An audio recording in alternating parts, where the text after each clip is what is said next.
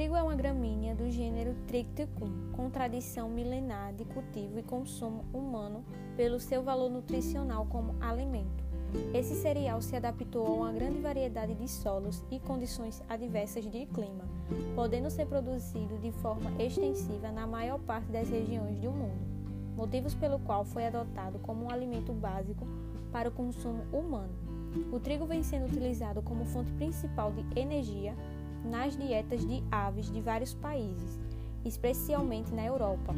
No Brasil, até recentemente não era utilizado em rações para animais, em decorrência do alto custo de produção e da disponibilidade de outros ingredientes alternativos. Normalmente, o grão integral só é destinado ao consumo animal quando possui classificação inferior, sendo desclassificado para a produção de farinha devido ao baixo peso específico baixo rendimento na moagem. Mas, por causa do alto preço do milho, principalmente em épocas de entre-safra, o trigo passou a ser uma opção em potencial como alternativa ao milho na alimentação animal.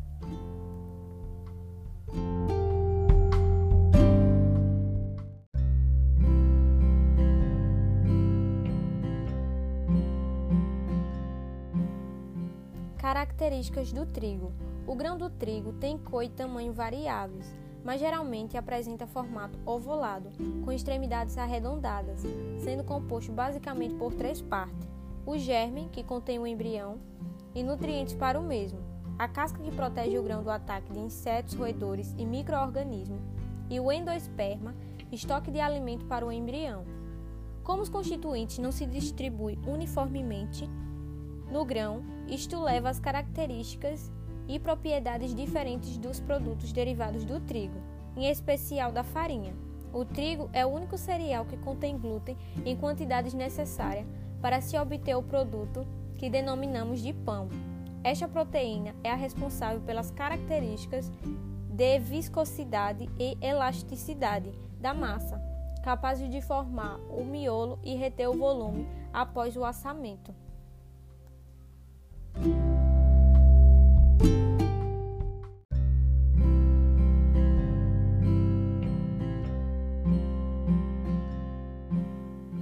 Importância na alimentação animal. Em termos nutricionais, é classificado como trigo, mole ou duro, em função de seu efeito na composição da matriz nutricional, principalmente a proteína. O trigo duro possui maior fração proteica associada ao amido, portanto, possui maior teor de lisina, utilizada para a produção de pães. Já o trigo mole é utilizado para a confeitaria.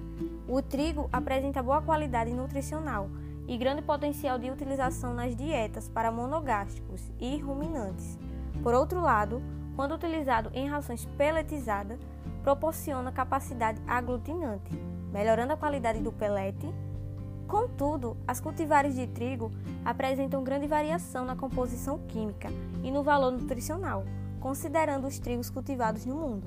Os valores de proteína variam entre 6% e 22%, com maior frequência de valores entre 13% e 14%. Apresenta teor de proteína mais elevado que o milho e teor de energia inferior, contém de 5 a 8% de pentosanas que causam problema de viscosidade na digestão ligando-se com componentes de aparelho celular, fazendo com que as células absorvam 10% mais água.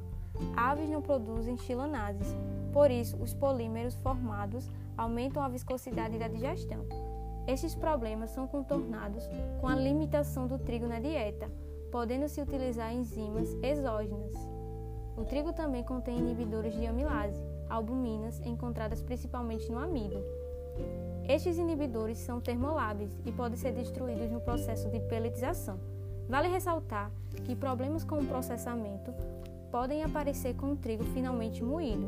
Pode causar enterite necrótica e impactação no bico de aves jovens. Isso ocorre porque a proteína mais viscosa e a aderência no bico são maiores, o que pode gerar transtornos como redução da atividade de alimentação, aumento desta massa em bebedouros, além de propiciar o aparecimento de bactérias e fungos patógenos.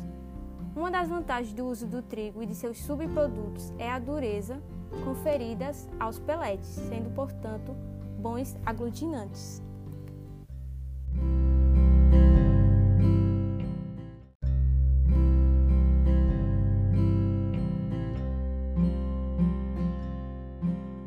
Formas de utilização e fornecimento ao animal.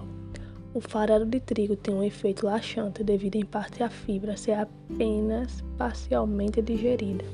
Devido aos altos níveis de fibra e ao efeito laxante, o farelo de trigo não deve ser fornecido aos animais jovens.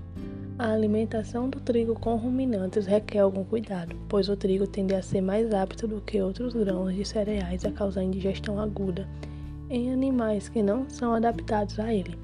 O problema principal parece ser o alto teor de glúten do trigo, que no rumen pode resultar em uma consistência pastosa para o conteúdo ruminal e redução da motilidade ruminal.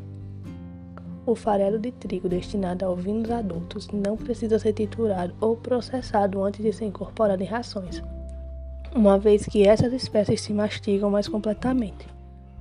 No caso de cordeiros desmamados precocemente, criados artificialmente, a palatabilidade do trigo integral é melhorada pela peletização. Na nutrição de ruminantes, a pastagem de trigo traz algumas vantagens em relação a custos e qualidade nutricional em relação a outras matérias-primas. Nas vacas leiteiras, é possível ter um maior incremento de proteína na dieta de animais e com isso reduzir o custo de produção no coxo, porque pode utilizar menos farol de soja na dieta e assim ter maior retorno financeiro na propriedade. O farelo de trigo pode ser uma fonte energética chave para o manejo nutricional do rebanho. Além dos benefícios nutritivos devido à sua composição química, o farelo também se mostra como complemento viável do milho, especialmente em momentos de alta cotação do grão. Na nutrição de aves, o trigo possui 10% menos de energia do que o milho, mas tem maior percentual de proteína, sendo uma ótima alternativa para substituí-lo em aproximadamente 20% na dieta.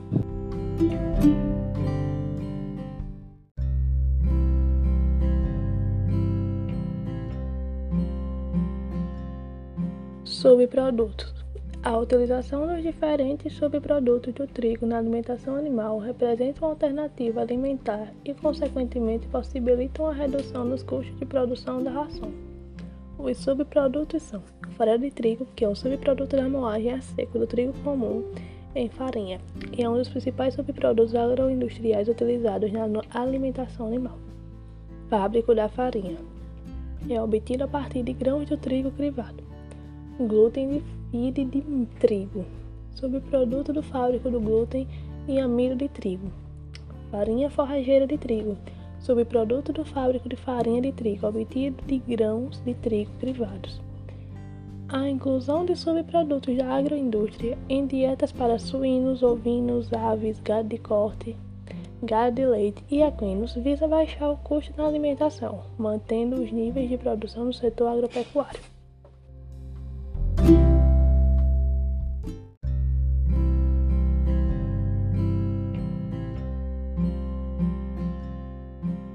Considerações finais. Conclui-se que o trigo apresenta-se como um alimento de excelentes perspectivas de utilização na alimentação animal.